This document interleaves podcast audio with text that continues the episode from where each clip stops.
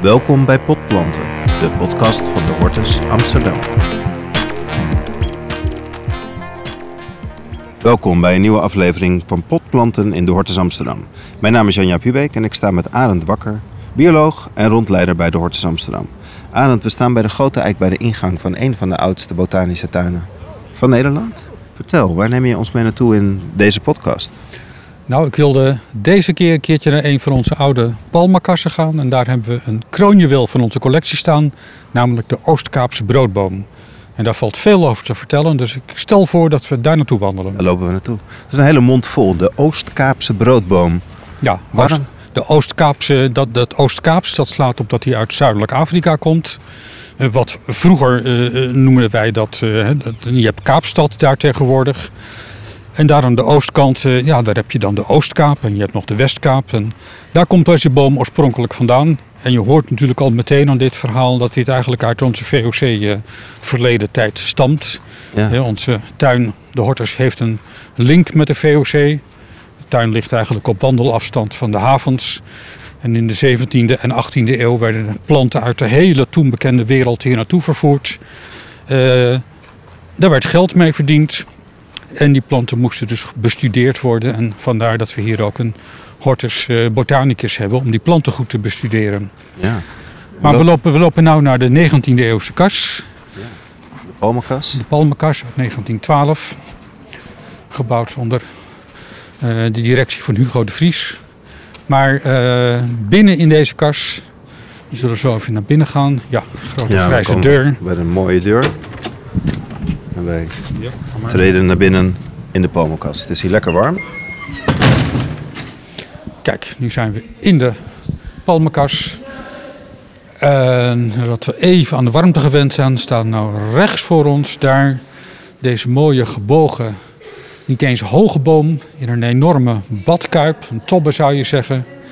Eh, dit is de Oostkaapse broodboom. En deze is dus in de 17e eeuw vanuit Zuidelijk Afrika naar Europa gekomen. Het is een hele rare boom eigenlijk, want ja, het is een boom met een beetje grijze, schubbe, geschubde stam. En er lopen van die mooie verticale patronen in die stam, die een klein beetje aan dennenappels denken. Je zou het ook als een grote olifantenvoet kunnen zien, eigenlijk deze enorme boom. Hij staat raar gebogen, hij heeft dikke en dunne delen in de stam. En na drie meter dan komen er allemaal een soort varenachtige bladen uit. En tussen die varenachtige enorme bladen, die tot aan je neus eh, reiken hier. Je moet uitkijken dat ik mijn neus niet prik. Dan zie je dan in de kroon ook nog weer eens kegels hangen. Nou, die kegels die lijken heel sterk op dennenkegels. En nou, we hebben dus een rare boom met dennenkegels en varenachtige bladen. Eh, deze boom, dat noemen wij een palmvaren. Maar het is geen palm en het is geen varen. Maar in de termen van de evolutie staat deze halverwege de varens en de coniferen. Hè, Die kegels die erin zitten, daaraan kun je herkennen dat die toch een beetje in de verte familie is van de dennen en de sparren.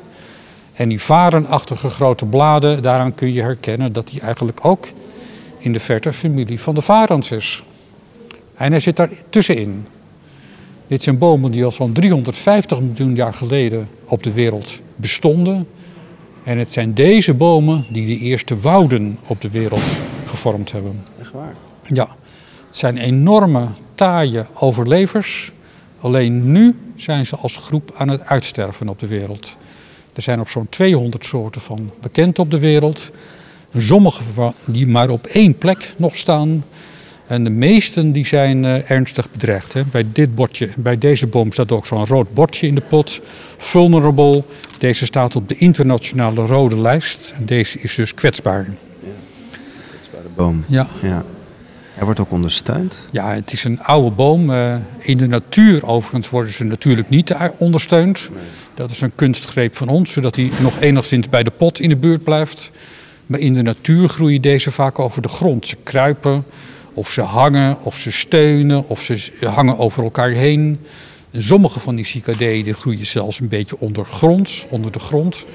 Met een soort wortels die ze vormen die zich samentrekken waarmee de, de kop van de boom eigenlijk onder de grond getrokken wordt. Wat natuurlijk een mooie bescherming zou kunnen zijn tegen vraat van dieren. Hey Arend, als ik naar de, de bast kijk, dan Mhm. zie ik een. eh, Hij begint vrij eh, gezond en breed. Dan wordt hij nog iets breder.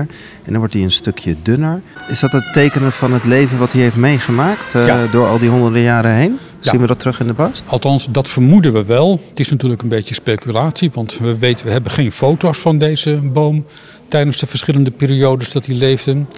Maar we weten dus dat hij uit Zuidelijk Afrika komt. En zeer vermoedelijk komt hij ook eh, bij het fort, het handelsfort van de VOC vandaan, de tuin bij het fort.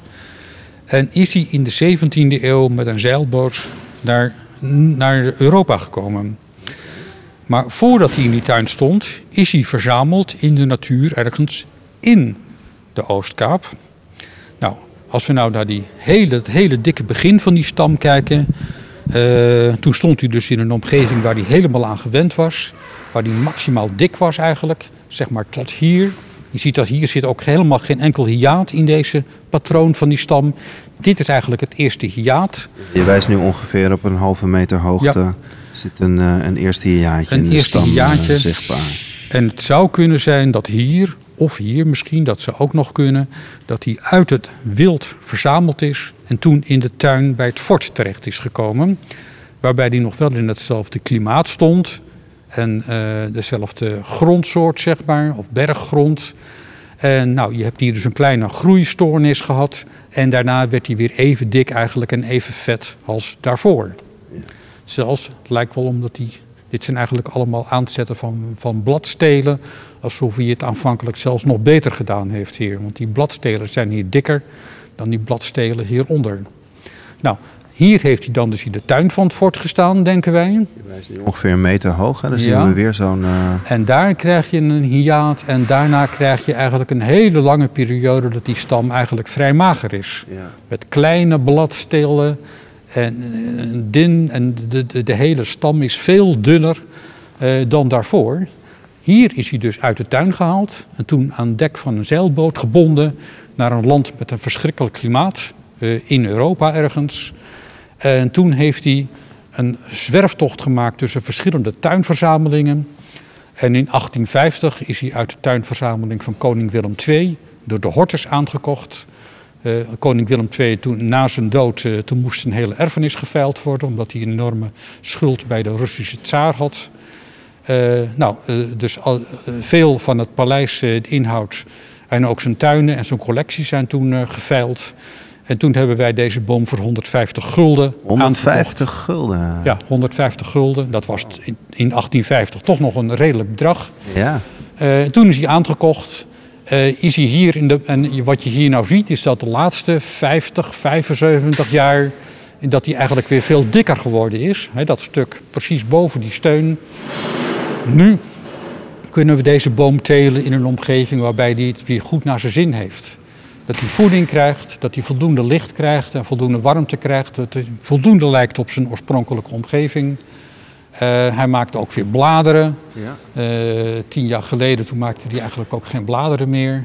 Toen die werd aangekocht in de, in de Mhm. Hortus aan. Het was het, hadden we toen al kassen in de Hortus? Ja, toen, wa- waren er wel kassen. Eh, überhaupt, hij heeft waarschijnlijk ook bij koning Willem II... het paleis Kneuterdijk, daar heeft hij waarschijnlijk ook in een grote eh pronk serre gestaan. Er waren wel kassen, maar die werden toen nog redelijk primitief verwarmd. Gewoon met eh, houtkachels of kolenkachels.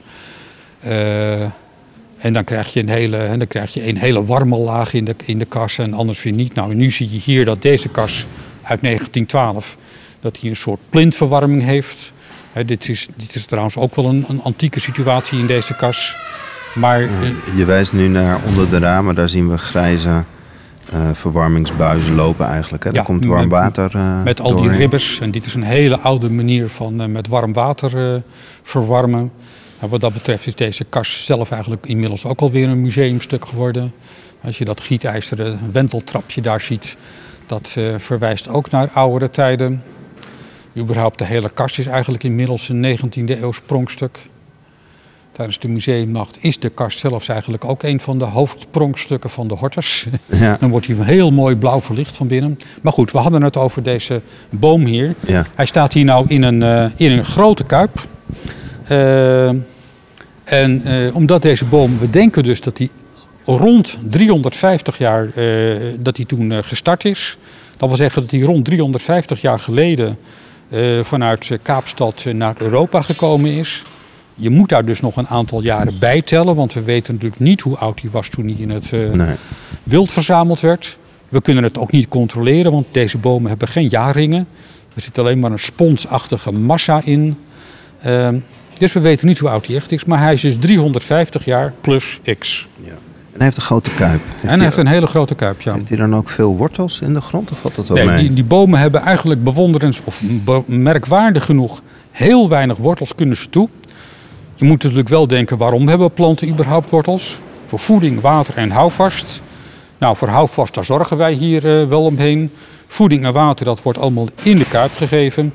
En die boom heeft dus helemaal geen reden eigenlijk om nog langere of grotere of sterkere wortels te maken. Er zit hier een halve vissenkom aan wortels onderaan die stam. Eh, en dat is voldoende. Maar ik moet zeggen, eh, tien jaar geleden toen is hij verpot. Je kunt hier het wortelstelsel wat nog een beetje boven de grond zichtbaar is. Dat eindigt hier op een centimeter of vijf van die rand van de pot. Eh, toen bleek dat er in die pot eigenlijk alleen nog maar een soort cementachtige houten stof zat. En toen is hij heel voorzichtig, is deze plant met een hefkraan is hij uit die oude kuip gegaan. Nou, toen bleek dat die hele wortels, er zat dus alleen maar die cementstof zat er omheen. Die zijn met kleine borsteltjes, zeg maar tandenborstels, is dat er allemaal van die wortels afgeveegd. En toen wilden we die plant weer nieuwe aarde geven met voedingsstoffen en bacteriën en schimmels die daar eigenlijk bij deze soort horen. Nou, toen zijn we in de omgeving gaan vragen, heeft een van de botanische tuinen in onze buurt een, eh, een levenslustige plant van deze soort, hè, deze Encephalartos woody. Eh, nee, Encephalartos altensteini. Dat is de Latijnse naam, de Oost-Kaapse broodboom. Nou, dat bleek een tuin in Bon te zijn.